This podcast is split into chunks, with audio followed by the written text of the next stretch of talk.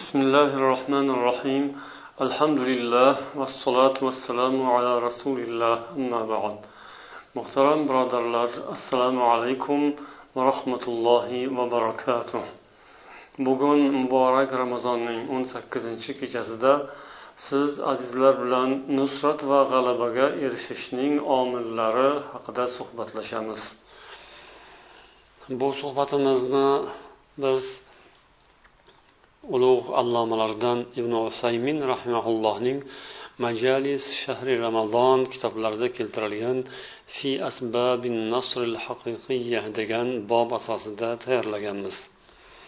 Muallif bu bobda avvaldagi mo'minlar sahoba ikromlarga allohning nusrati qanday kelgani haqida so'z yuritadilar va ana shu haqiqatga asoslangan holda bugungi musulmonlarga nusrat kelish yo'llari nimalardan iborat ekanini bayon qiladilar.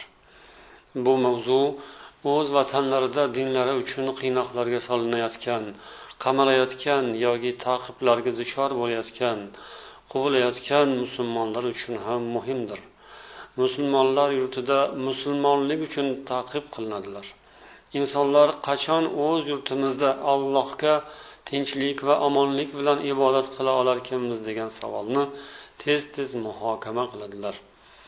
Bular hammasi bir tomon bo'lsa ikkinchi tomonda musulmonlar yurtida fahshu buzuqliklar avj olayotgani ularni qaytarishning o'rniga keng yo'llar ochib berilishi poraxo'rlik aroqxo'rlik giyohvandlik kabi illatlar rivojlanayotganini ko'rasiz. Tarixdan ma'lumki alloh taolo avvalgi zotlarga ajdodlarimizga juda ko'p o'rinlarda nusrat g'alabalar ato qilgan. Ularning da'vatlarini ta'sirli qilgan. Boshqa dindagilar ham mo'minlarning so'zlariga kirganlar ularning da'vatlaridan ta'sirlanib ollohning diniga kirganlar. Yomon ishlar buzuqliklar daf bo'lgan. Muallif aytadilarki alloh taolo juda ko'p o'rinlarda badr ahzob fath g'azvalarida hunayn g'azvalarida va boshqa o'rinlarda mo'minlarga nusrat ato qilgan ekan. Bu uning degan va'dalariga muvofiq kelar edi. Ya'ni mo'minlarga madad nusrat g'alaba ato qilish bizning zimmamizdadir degan alloh taolo rum surasining qirq yettinchi oyatida. yana g'ofir surasi ellik birinchi ellik ikkinchi oyatlarida إنا لننصر رسلنا والذين آمنوا في الحياة الدنيا ويوم يقوم الأشهاد يوم لا ينفع الظالمين معذرتهم degan biz o'zimizning elchilarimizga va iymon keltirgan insonlarga dunyo hayotida ham guvohlar qoyim bo'ladigan ya'ni qiyomat kunida ham albatta nusrat berurmiz. U kunda zolimlarning uzrlari foyda bermaydi. Ularga la'nat bo'lgay va ularga eng yomon qarorgoh nasib bo'lgay degan alloh taolo mana shu oyatlarni ham muallif zikr qiladilar. O'sha avvaldagi zotlarga ajdodlarimizga salaflarimizga alloh taolo nusrat ato qilgan. Chunki ular ollohning dinida qoyim edilar. Ollohning dinini ular qoyim qilgan amalda hayotda tadbiq qilgan edilar. Allohning dini barcha dinlardan ustundir. Kimki agar mana shu dinga mustahkam ergashsa bu dinni mahkam ushlasa u barcha ummatlardan ustun afzal ummatga aylanadi هو الذي أرسل رسوله بالهدى ودين الحق ليظهره على الدين كله ولو كره المشركون degan alloh taolo tavba surasi o'ttiz uchinchi oyatda u shunday zotki o'zining elchi o'zining elchisini hidoyat va haq din bilan yuborgandir Barcha dinlarning ustidan zohir bo'lishi uchun olloh o'z elchisini yuborgan. Agar mushriklar yomon ko'rsalar ham olloh dinini boshqa dinlardan ustun qilajak deydi. Alloh taolo demak o'zining solih bandalariga nusrat ato qilgan ekan. Buning sababi ular ana shu nusratning haqiqiy sabablarini amalda vujudga keltirganlari ollohning yordami bilan ular ana shu nusratning ham moddiy ham ma'naviy omillarini ular vujudga keltirganlarida edi deydilar. Ular mana shu maqsadlari yo'lida olloh ko'rsatgan yo'lda azmu qarorlari qat'iy bo'lgan edi. Ular hayot talablariga zamon talablariga javob bergan holda sharoitlarni hisobga olgan holda alloh taoloning buyruqlariga butkul taslim bo'lgan va allohning ko'rsatmalarini amalda qo'llagan insonlar edilar. Har xil holatlar yaxshilarga ham boshqaga ham hamma zamonda har xil holatlar bo'lib turishini nazarda tutib muallif mana bu oyatlarni keltiradilar. ولا تهنوا ولا تحزنوا وأنتم الأعلون إن كنتم مؤمنين alloh oli imron surasida musulmonlarga nasihat qiladi tasalli beradi tavsiyalarini marhamat qiladi sustlashmangiz va qayg'uga botmangiz agar sizlar mo'min bo'lsangizlar albatta ustundirsizlar agar sizlarga jarohat yetgan bo'lsa bas ana u qavmga ham xuddi sizlarnikidek jarohat yetgan. Kunlar shundayki biz ularni odamlar o'rtasida almashtirib borurmiz. Bu olloh iymon keltirganlarni bilib olishi va sizlarning oralaringizdan shahidlarni tanlab olishi uchundir. Olloh zolimlarni yaxshi ko'rmaydi. Oli imron surasi bir yuz o'ttiz to'qqizinchi bir yuz qirqinchi oyatlar. Mana shu oyatlarni shayx usaymin keltirib demak bugungi kundagi musulmonlarga ham tasalli bo'ladigan oyatlarni esimizga solganlar. Biz bu oyatlarning tafsirlarini ma'nolarini alloma sadiy rahimaullohning kitoblaridan ko'rib o'tamiz. Alloh taolo mo'min bandalariga qalblariga quvvat bo'lsin ularning azmu qarorlari yana ham qat'iy bo'lsin. Maqsadlaridan chekinmasinlar uchun mana shu oyatlarni yuborib tasalli bergan. Tahinu tahzanu.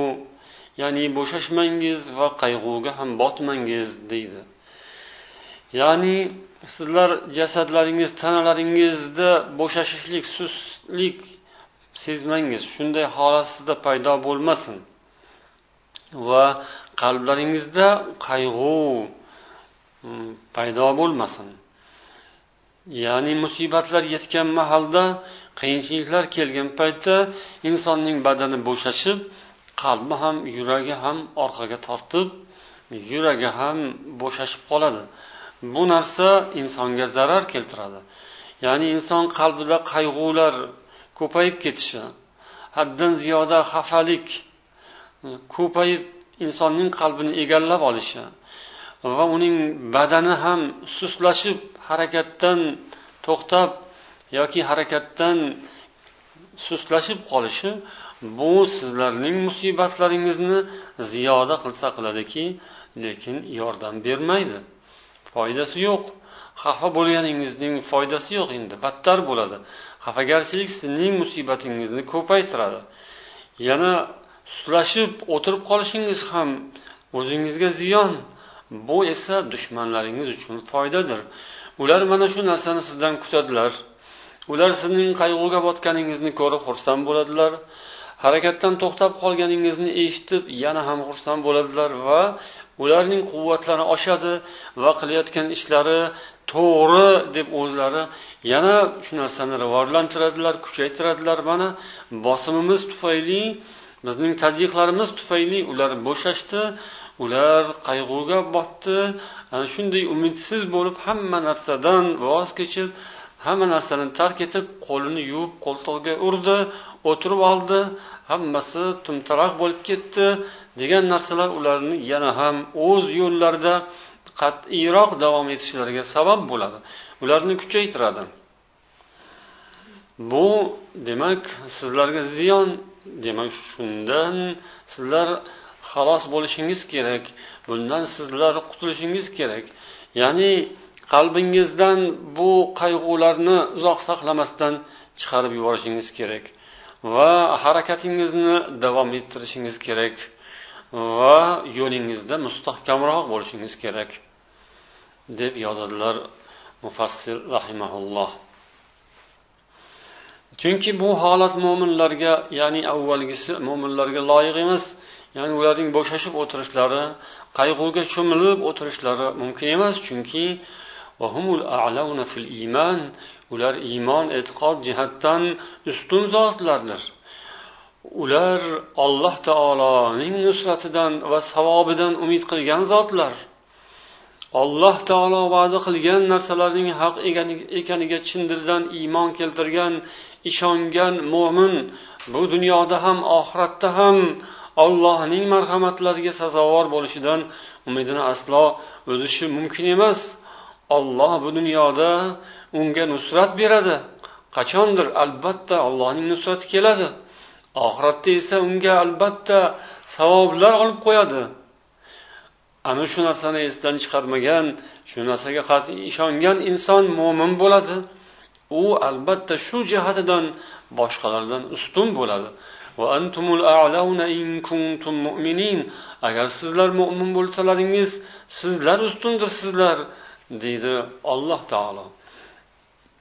Demak mo'min musulmonlarga ba'zida hosil bo'ladigan musibatlar ziyon zahmatlar zararlar bu abadiy emas bu doimiy emas bu vaqtinchalik bu allohning hikmati bilan shu bandalarga alloh taolo mana shu tufayli ajr va savob berishi bu ma'lum. Mana shu narsani demak mo'minlar eslaridan chiqarmasliklari kerak va ana shunday ajr savob va inshaalloh nusratni eslab umid qilib kutib va shunga yarasha harakatlarini ko'paytirishlari kerak oldinga qarab intilishlari kerak.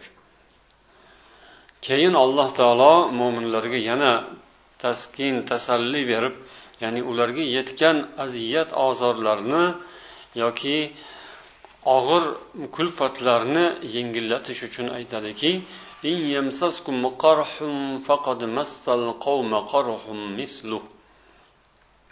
agar sizlarga aziyat ozorlar yetgan bo'lsa agar sizlarga jarohat yetgan bo'lsa sizlar anavi qavmga ham xuddi sizlarga yetganidek jarohat yetgan deb anavi muqobilda turgan to'dani alloh taolo ko'rsatyapti.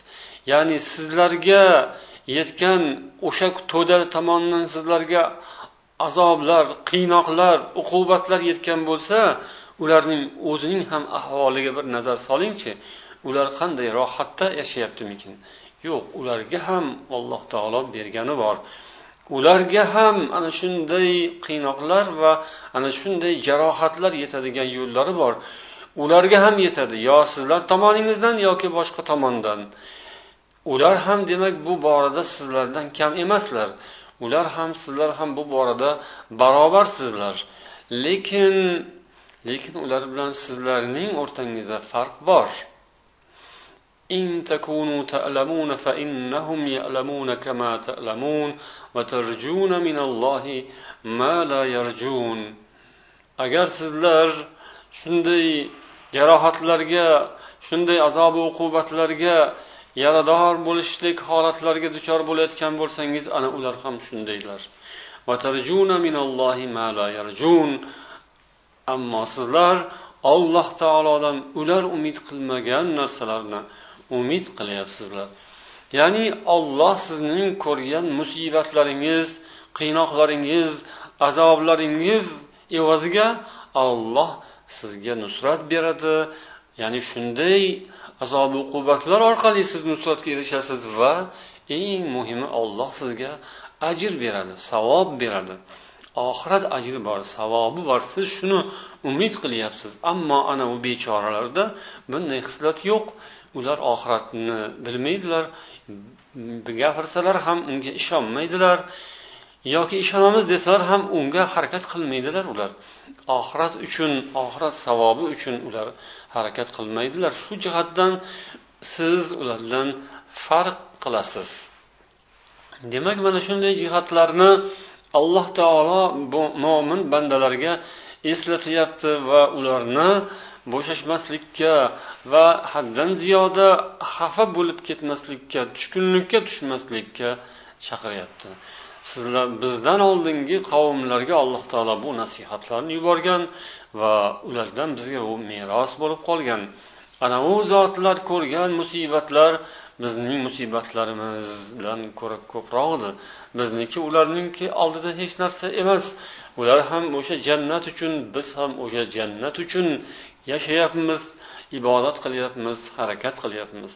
Shuning uchun kimdir bizning zamonamizda ana shunday qiyinchiliklarga mashaqqatlarga duchor bo'lgan bo'lsa oh voh qilishi o'rinsiz men qanday aziz inson edim man qanday odam edim nima uchun bunday musibatlarga tushdim nega man bunga loyiq bo'lishim kerak degan so'zlar yarashmaydi. Chunki siz agar bu so'zni aytadigan bo'lsangiz siz o'zingizdan oldin o'tgan ajdodlarimiz salaflarimizning boshlariga tushgan kulfatlarga e'tibor bermagan bo'lasiz. Ularniki hech narsa emasu sizniki o'tib tushgan bo'lib qoladi. Go'yoki sizning musibatingiz musibatu ammo sahobalarning musibatlari musibat emasdek talqin qilgan bo'lasiz o'zingizni shunday tutgan bo'lasiz. Aslo unday bo'lishi to'g'ri emas. Alloh taolo aytadi yana bu dunyo shundayki bu olamda olloh kunlarni bu zamonni almashtirib turadi. Ya'ni bir kun unday bir kun bunday. Sadiy yozadilar bu olam shunday qurilganki olloh undan ba'zida mo'minga beradi ba'zida kofirga beradi. Ba'zida bu kunlar yaxshiga kulib boqadi ba'zida yomonga. Olloh aytgan bu kunlar shundayki biz uni odamlar o'rtasida almashtirib boramiz. Bu kunlarni alloh taolo goho bu toifaga beradi goho bu toifaga beradi. Ya'ni bugun uning kuni boqadi bugun ertaga buning kuni boqadi bugun unga ertaga bunga. Mana shunday bular hammasi o'tkinchi dunyoning tabiati shunday olloh shunday qurib qo'ygan. Oxirat kuni esa bunday emas. Oxirat oxirat kuni iymon keltirgan insonlar uchun xolis musaffo faqat faqat mo'minlarnikidir ajoyib haqiqat ajoyib qoida. Davr zamon muvaffaqiyat va mag'lubiyat. Bu dunyoda odamlar orasida mo'minlar va kofirlar o'rtasida demak almashib turar ekan.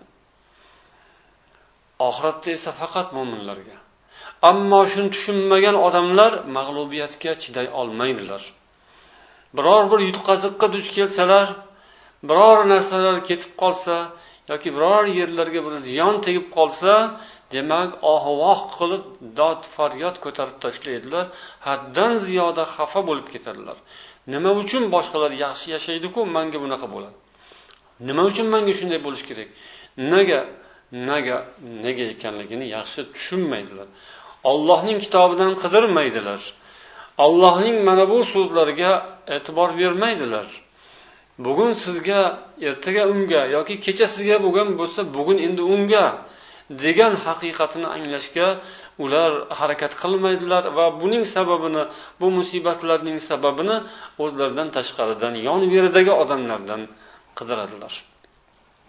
Lekin alloh taoloning esa yo'li qoidasi yuqorida aytganimizdek yana ya'ni bu ishlarning sababi nega nega degan savolga javob shuki olloh iymon keltirgan insonlarni bilib olishi uchun. Nega deysizmi? Mana shuning uchun. Ichingizdan kim iymoni chiroyli chin ixlos bilan chin qalbdan iymon keltirganu yana kim munofiqqa o'xshab ketgan? Kimningki iymoni zaifroq? Mana shuni ajratib olish uchun olloh mana shu musibatlarni sizga yozgan bo'ladi. هذا أيضا من الحكم أنه يبتلي الله عباده بالهزيمة والابتلاء ليتبين المؤمن من المنافق deb yozadilar sadiy bu shunday bir hikmatki alloh taolo bandalarini mag'lubiyat va balolar bilan imtihon qiladi toki mo'min munofiqdan ajrasin mo'min u yoqqa munofiq bu yoqqa ajralsin u faqat qiyomatga borgandagina emas balki mana shu dunyoda ham olloh goh gohida yo'l yo'lakay mo'minlarni munofiqlardan ajratib ko'rsatib ko'rsatib ketadi لأنه لو استمر النصر للمؤمنين في جميع الوقائع لدخل في الإسلام من لا يريده chunki agar hamma holatda ham musulmonlarning ishlari oldinga bosib ularga nusrat g'alabalar muvaffaqiyatlar yor bo'lib shunday holatda davom etadigan bo'lsa unda bu islomga aslida islomni iymonni ollohni istamaganlar uchun ham kiraveradilar. Demak islomning ishi hamisha olg'a hamisha muvaffaqiyat hamisha ustunlik bo'ladigan bo'lsa demak oh islom yaxshi ekan bu dunyoda. Yaxshi hayot kechirish uchun zo'r ekanku. Hamma kuch qudrat shu islomda ekanku deb asli islomning mohiyatiga hali yetib bormaganlar ollohga iymon keltirmaganlar oxirat borligini qiyomat borligini hisob kitobi savol javob azobu rohat borligini qalbidan idrok qila olmagan unga ishona olmaganlar ham islomning bu dunyodagi zohiriy qudratini ko'rganlar demak islom agar doim mana shunday holatda bo'ladigan bo'lsa biz musulmon bo'ldik deb birinchi galda ana shu odamlar musulmon bo'lardilar. Lekin musulmonlarning ustida mana shunday balolar musibatlar yutqiziqlar ziyonlar zararlar sodir bo'lishi demak ancha muncha odamlarni hushyor torttiradi va ular islomdan o'zlarini uzoqqa ola boshlaydilar yoki shunday mo'minlardan uzoqroq keta boshlaydilar. Boshiga kulfat tushgan musibat tushganlardan demak o'zlarini olib qocha boshlaydilar. Ana shu bilan demak ajraladi. Kim bu yo'lga chin dilidan sadoqat bilan ixlos bilan rostgo'ylik bilan kirganku kim shunday bir havas qiziqish bilan bir e, havas bilan kirgan? Kim astaydil kim zohirdan shunchaki demak bu narsalar mana shu hayotda uchraydigan hodisa voqealar musibatlar har xil holatlar tufayli ko'rinib qoladi. Demak mo'min chin mo'min oxirat umidida jannat umidida bo'lgan mo'min u hech qanday musibatlar yoki muvaffaqiyatsizliklar yutqiziqlar uni bu yo'ldan qaytara olmaydi. Deydi yana alloh taolo bu ishlar olloh sizlarning ishlaringizdan shahidlarni tanlab olishi uchundir bu ham hikmatlardan biri. Shahidlik ollohning huzurida eng oliy maqomlardan biri. Unga yetishish uchun esa o'shanga yarasha fitna yoki musibatlar voqe bo'ladi va uning ichiga kirib qolgan odamlarda demak mana bu narsa ularga nasib bo'ladi. Uyda o'tirib shunday rohat farog'atda yurib. Demak alloh taolo mana bu va'da qilayotgan narsalarga erishish oson emas.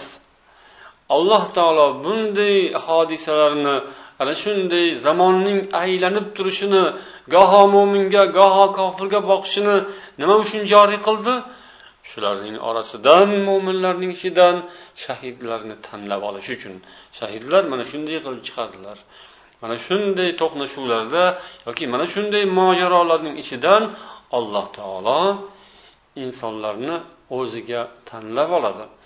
Olloh insonlarning nafsiga yoqmaydigan narsalarni joriy qilib oxirida demak insonga haqiqatan ham rohat baxtu saodat bo'ladigan narsalarni nasib etadi.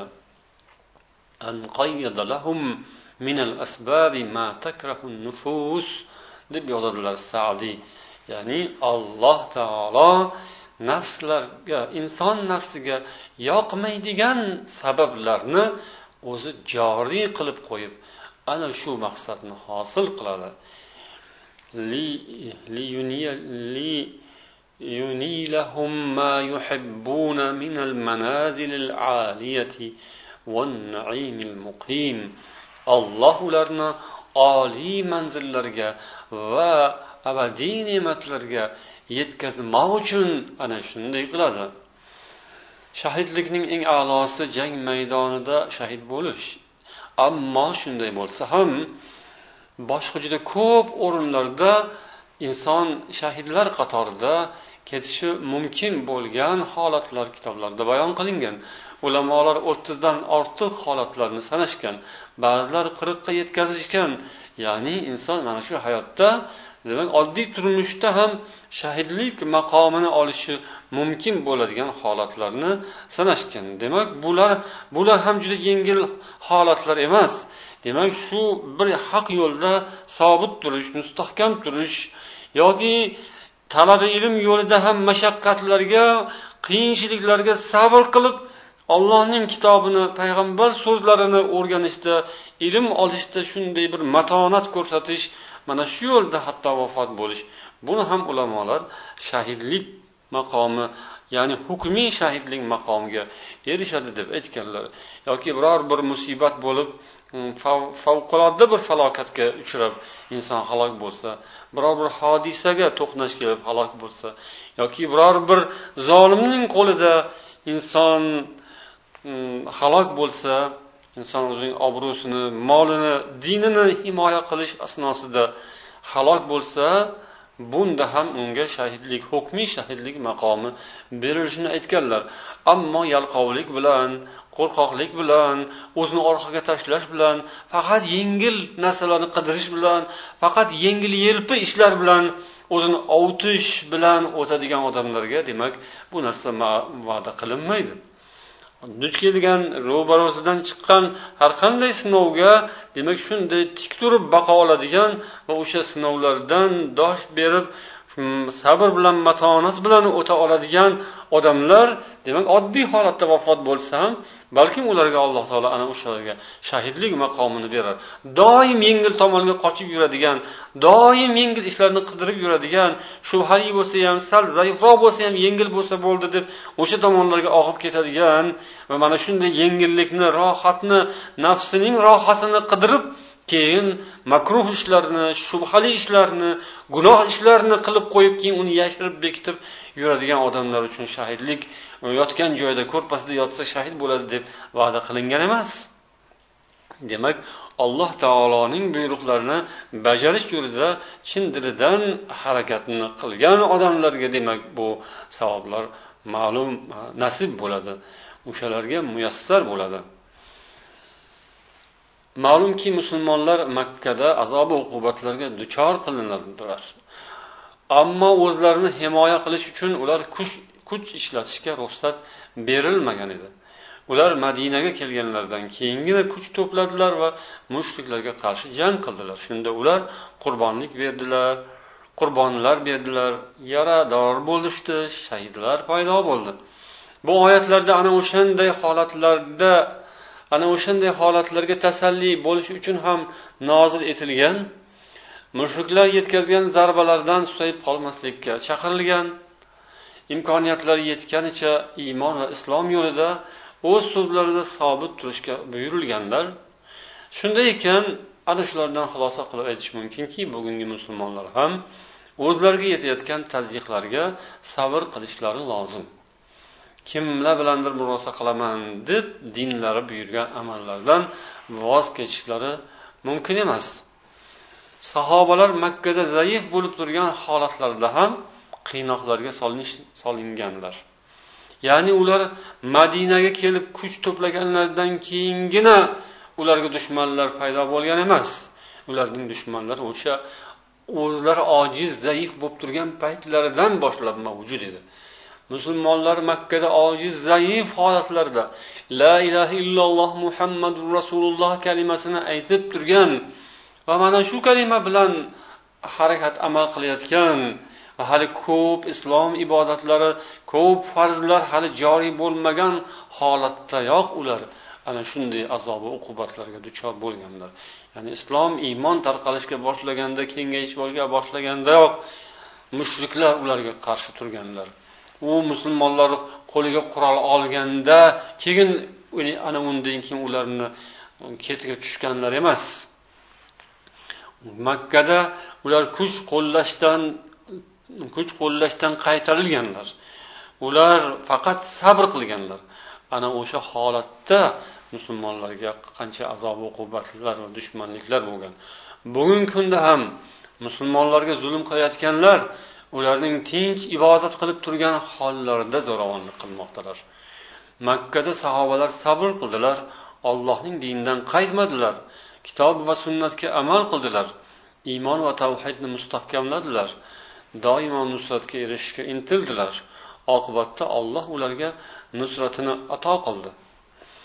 Demak biz ham har qancha qarshiliklar yoki qiyinchiliklar bo'lishiga qaramasdan dinimizni boy berishimiz kerak emas. Bizga qarshi aytilayotgan tuhmatlar ig'voyu fitnalarga biza e'tibor berib shunga ta'sirlanib o'shandan cho'chib qo'rqib biz susayib qolishimiz mumkin emas. Demak din dushmanlari musulmonlarning dushmanlari musulmonlar oddiy holatda namoz o'qib o'tirgan holatlarida dushmanlik qiladilar. U uydan qurol chiqdi bomba chiqdi u chiqdi bu chiqdi degan so'zlar ular qo'yavering. U so'zlar baribir bo'laveradi. Siz oddiy namoz o'qing sizni o'shanday deb ta'riflaydilar. Chunki bular shu ibodat qiladigan chin dildan ibodat qiladigan musulmonlarni demak xolis musulmonlarni faqat allohning o'ziga sig'inadigan musulmonlarni yaxshi ko'rmaydilar. Ana shunday ekan mo'min musulmon odamlar boshlariga keladigan kulfatlar uchun oh voh qilishlari o'rinli bo'lmaydi. va ular alloh rasul yo'lida davom etishlari kerak sabr bilan davom etishlari kerak qo'llaridan kelgancha ibodatlarni bajo qilib ollohning buyruqlarini hammasini bajo qilishga harakat qilmoqlari lozim yana shu o'rinda usaymin rahimaulloh yozadilar وأخذوا بكل نصيب من القوة امتثالا لقول ربهم سبحانه وتعالى وأعدوا لهم ما استطعتم من قوة salaflar ya'ni sahobiylar alloh taoloning buyruqlarini bajo qilib parvardiyorlari va min quvvatin degan nozil qilgan buyrug'iga ular imtisol qilganlar bo'ysunganlar. Va ana shu ya'ni qo'lingizdan kelganicha toqatingiz yetganicha ularga kuch quvvatingiz bilan qarshi turing. Degan oyatga ular qo'llaridan kelganicha amal qildilar deb yozadilar va u kishi insonning quvvatini botiniy va zohiriy quvvatga ajratib tushuntirdilar. Insonning ichki dunyosining botiniy quvvati uning tashqi dunyosi zohiriy quvvati. Har ikki quvvat insonda mukammal bo'lishi kerak va shunga inson intilishi kerak deydilar usaymin rahimaulloh demak insonning ham ichki dunyosi ham zohiriy dunyosi tashqi dunyosi yurish turishi turmush kechirishi allohning shariatiga muvofiq bo'lishi kerak. Bir tomonlama bo'lib qolgan qavmga hech qachon nusrat kelmaydi. Agar qaysidir bir toifa faqat ilm yoki tavhidning o'zi bilan kifoyalanib yurgan bo'lsa islomning boshqa ko'rsatmalariga amal qilishga niyat harakat qilmayotgan bo'lsa u islomni qismlarga ajratadigan bo'lib qoladi va unday toifaga nusrat kelmaydi.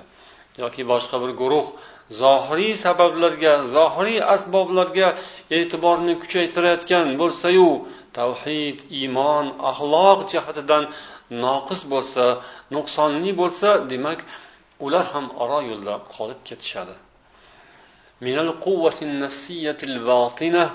Deb ta'riflagan so'zlar bundan insonning qalbi xulqi nazarda tutiladi.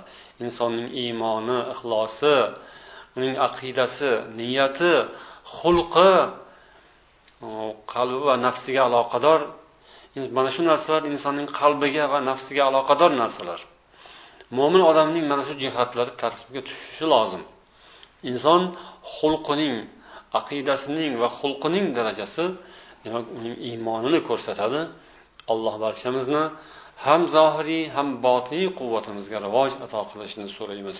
barchamizning aqidalarimiz to'g'ri bo'lsin va solih amallarimiz ko'paysin xulqimiz chiroyli bo'lsin tashqi o'rab turgan muhitimizni ham va zohiriy quvvatlarimizni ham zohiriy imkoniyatlarimizni ham chiroyli qilishimizni alloh o'zi muvaffaq aylasin سبحانك اللهم وبحمدك أشهد أن لا إله إلا أنت أستغفرك وأتوب إليك والسلام عليكم ورحمة الله وبركاته